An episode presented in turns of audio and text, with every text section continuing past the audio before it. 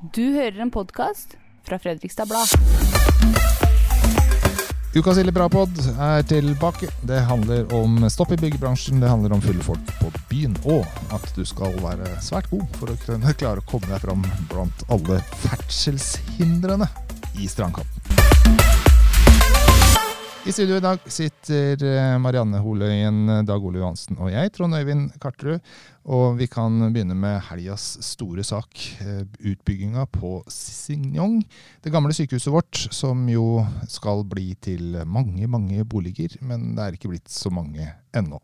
Du har hatt fulgt Signon opp gjennom åra, Dag Ole, og det har jo ikke skjedd så fort og så mye? Nei, de, de fleste i Fredrikstad har vel, har vel kunnet sett hvor kort det har kommet der borte. Um, etter flyttinga til, til Kalnes i 2015, så de første åra så var jo de to store høyblokkene stort sett uh, stativ for julestjerne. Det var, liksom, det var liksom der vi la merke til at uh, det, det, var en, uh, en, kinesisk innvandrer ved navn Kankao som hadde kjøpt det. Den julestjerna skulle vel beholdes, hvis jeg ikke husker feil?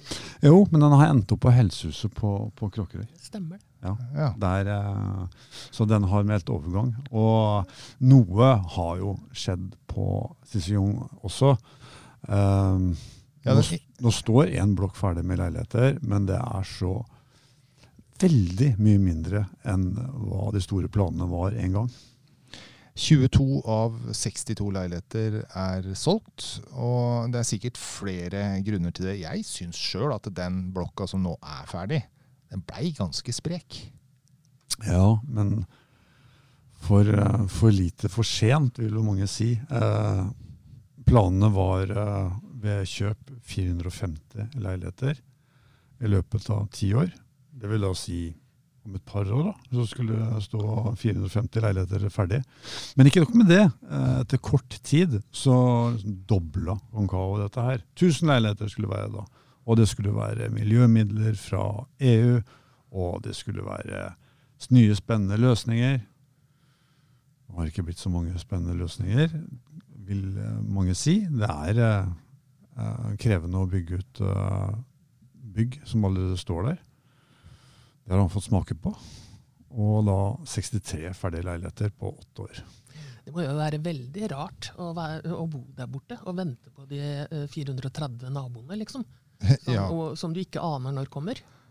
Og han ene som uh, han kjøpte seg inn der, og han sa jo at han valgte en østvendt leilighet, for som han sa, jeg er, eh, jeg er en voksen mann, og jeg kan ikke leve og se ut mot en byggeplass neste ti åra. Mm. Så de vet jo hva de går til òg, men like fullt.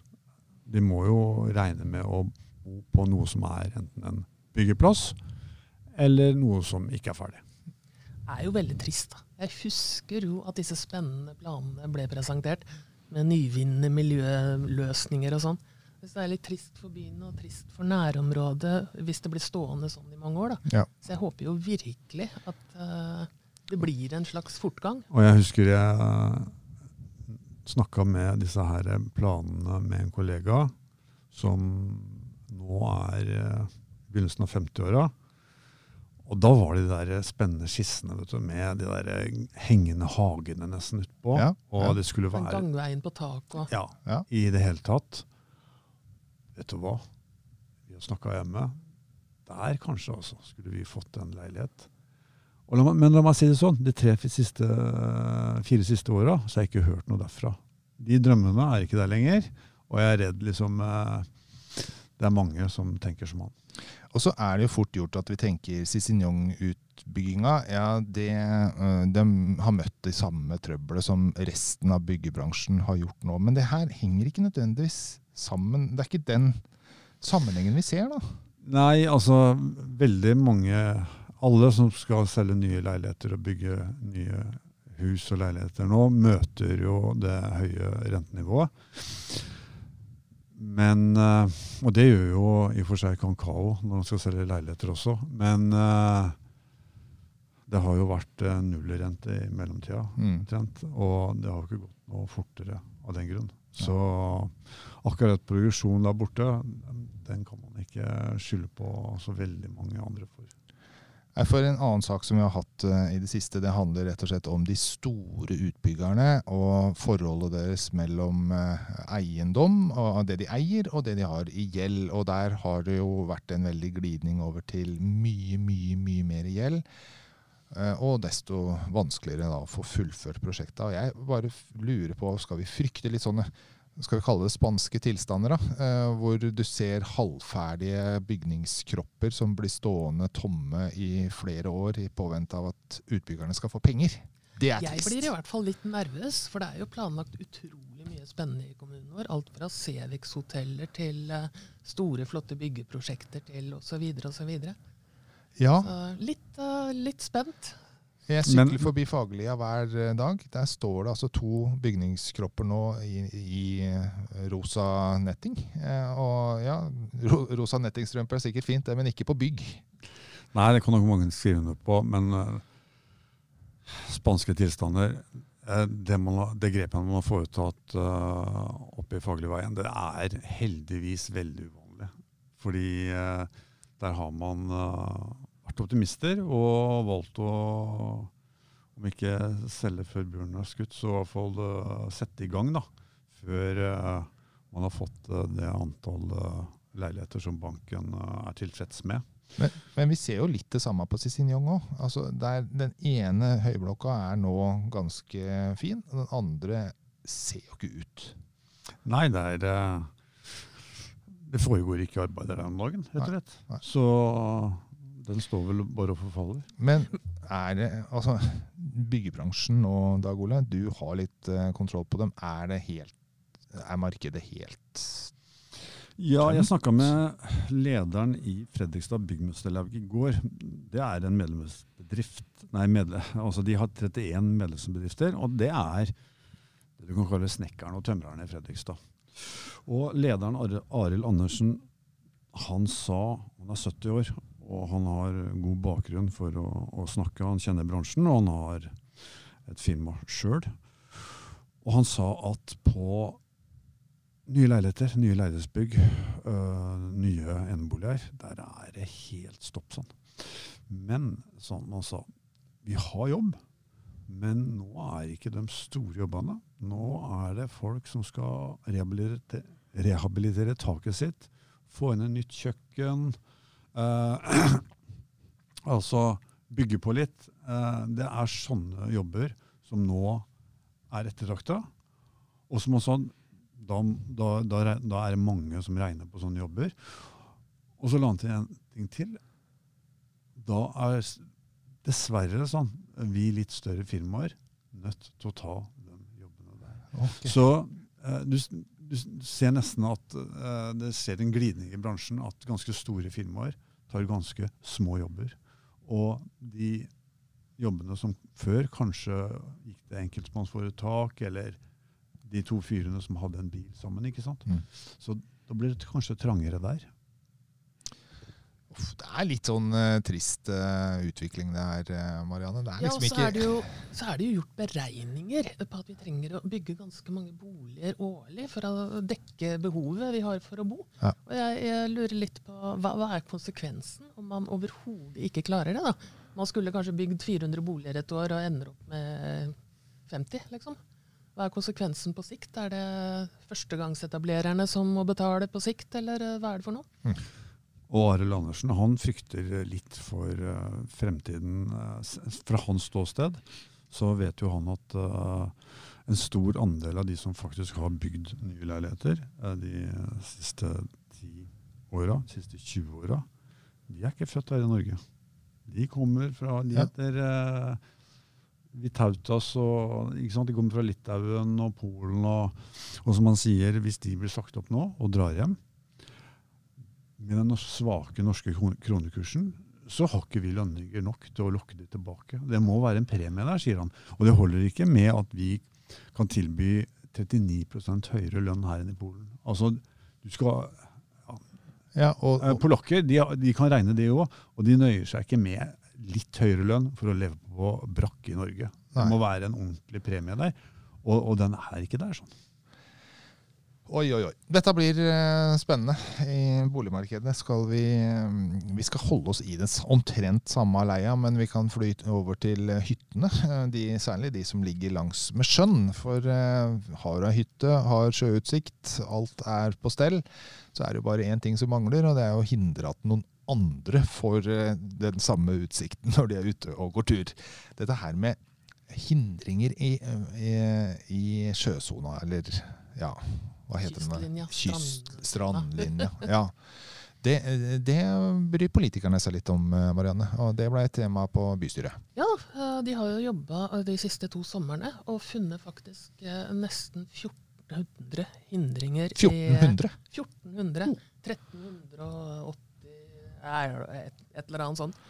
Og ingen aner uh, om disse er ulovlige eller ikke, for det er jo ikke kartlagt og sjekka ut. Det kan jo være noen gamle tillatelser og sånn, og det kan være uh, hindringer som er ulovlige og som må fjernes. Men hindringer, hva snakker vi om da? Er det liksom uh, sånn pri privat på et svaberg med Ja. sånn svære hvite bokstaver?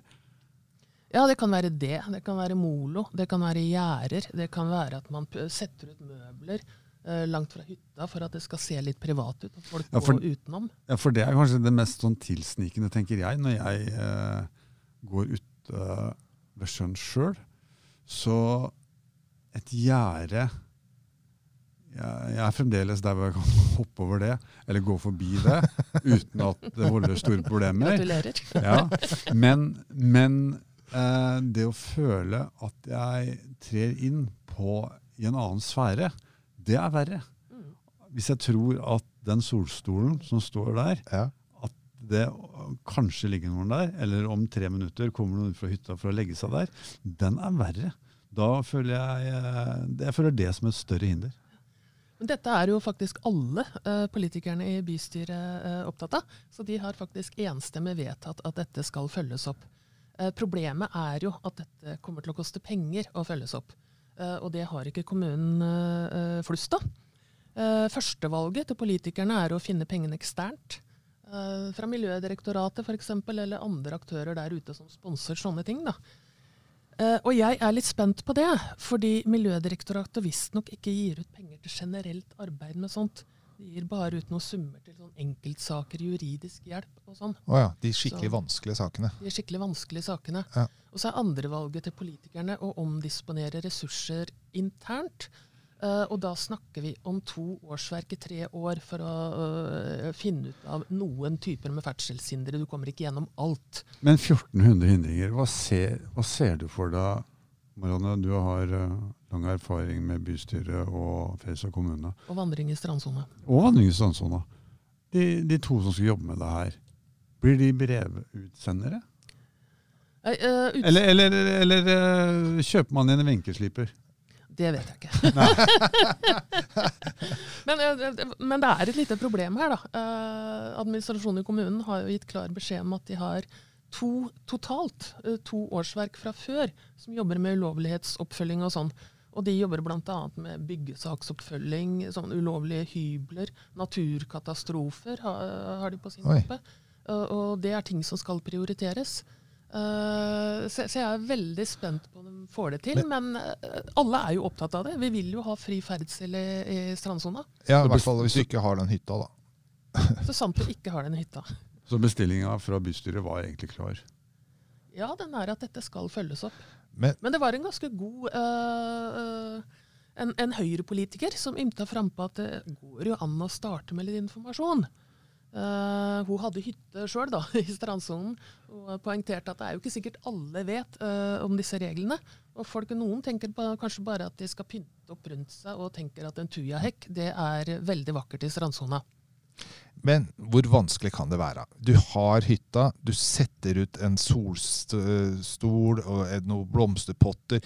Du veit jo da egentlig at du gjør noe som du ikke burde gjort. Er det ikke mm, ja, 1400 brev, da? Og så får folk rydde opp, og så Hvorfor kan ikke folk bare gjøre det? Litt ressurskrevende det òg, egentlig. Ja, det er Finne kanskje mailadresse på alle disse folka. Og Ja, eh, vi, har, eh, vi som journalister eh, vi har vel tilgang til veldig mye av det kommunens saksbehandlere har. Ja. Grunnboka osv.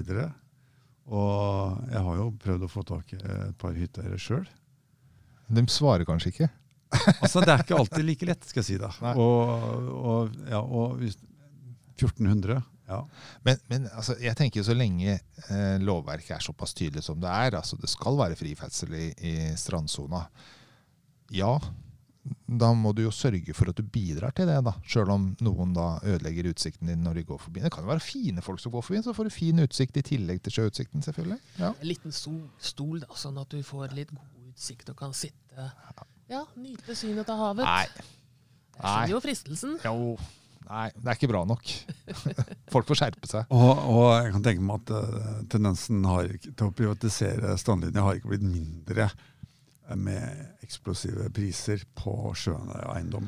For uh, har du først investert en ti mil, så Vil du ha det i fred? Men det går jo an å krysse fingra for at det finnes en del stiftelser der ute, og en del aktører så, hvor det faktisk, som faktisk bidrar med penger til sånt. da. Ja. For det er jo sånn, du kan ikke bare la den, det ble også nevnt i bystyret, du kan jo ikke bare la den rapporten ligge i åtte år, og så ta den frem igjen, og så, når du har penger til å jobbe med det, liksom. Da må du jo kartlegge på nytt. Skulle vi hatt verdens enkleste spådom i dag, så kunne vi hatt dette her. Kommer du til å være strandsone inntre ja. de neste åtte åra? Ja. Uff a meg. Nei, men la oss avslutte med noe som eh, er eh, ofte veldig, veldig hyggelig. For eh, i helgene nå så begynner det å fylle seg på med litt liv i sentrum på lørdagskvelden. Juhu! Ja, det kan jo være kjempegøy, men akkurat denne helga her la jeg merke til at det var veldig mange som ble bortvist fra sentrum. Eh, og det har jo selvfølgelig med oppførselen eh, deres å gjøre. Den er ikke forenlig med å være på fest. De er kanskje mer på et annet sted. Ja, jeg eh, kjørte gjennom sentrum sjøl litt etter klokka 11. Jeg skulle hente min bedre halvdel i byen. Da var på konsert. Da kjørte jeg gjennom Storgata og klink edru, selvfølgelig, bak rattet. Og det var litt Du vet disse her svenske store dyrehagene man kan kjøre gjennom? Nei, jeg har ikke vært på jeg, jeg, hadde, jeg hadde litt den følelsen. For der sitter jeg godt plassert trygt inne i bilen min. Og kjører sakte, selvfølgelig. For at det var eh, mennesker som gikk ut av, og inn av veibanen eh, ja, uten at jeg fikk noe varsel om det. Men da var det liksom eh, en politipatrulje ved gangbrua som allerede da sto og diskuterte da med noen som var eh, litt vel friske, da. Eh, jeg vet ikke hvor de endte. Eh, men og, og bortover mot Litteraturhuset og videre bort mot den store opprykksfesten Ja, som var på Dalskinnsbrygga. Jo tettere man kom der, jo mer bedugga ble folk. Og eh, til slutt så hang de i uh, trafikkskilta bortover. Men når vi, når vi snakker om julebord, så sitter jeg jo her og nynner Thomas Ledin inni meg. Ja, da. det er mange år siden. jeg Ikke fikk sommeren er kort. Ja, ikke sommeren er kort. I natt er jeg din. ja. Nei da. Eh, for mange år siden så fikk jeg jo et hjertesukk fra en ungdom i ungdomsredaksjonen som egentlig likte å gå på byen. Og ba så, ba så smått om å bli fridd fra 50-åringer som raver ned gågata, gauler Thomas Ledin. Så jeg sitter jo og tenker på han. Han nynner 'I natt er jeg din'. For jeg er jo i målgruppa der. ja, for det er, eh, det er like før eh, de 50-åringene uten særlig festerfaring. Altså, det er et år siden sist da. De var på byen eh, på julebord, og så er de i gang igjen. Og så tenker vi at dette går jo bra. Det gjør ikke det, vet du. Mange, ten ja, mange tenker jo at fri bar ikke er tingen. Jeg snakka med disse Max-folka, de som jobber for et ansvarlig uteliv da, for noen år siden. Og de fortalte at det er blitt vanligere og vanligere blant arbeidsgivere å kutte ut fri sprit ved juleborda. Ja. Og bare holde seg til øl og vin, og de mente at det hjelper litt. Jeg tenker jo at du kommer ganske langt med fri bar på øl og vin også, da. Du, tar du mye nok der, så kan du få lyst til å synge 'I natt jeg din' der òg. Jeg gleder meg til FBs julebord. Jeg gleder meg til å gå eh, langs eh, brygga med Marianne og synge på. din. Nei, men vi, vi sier det var et herlig punktum for ukas eh, Ille bra pod i dag med Marianne Oløyen, Dag Ole Johansen og meg, Trond Øyvind Karterud.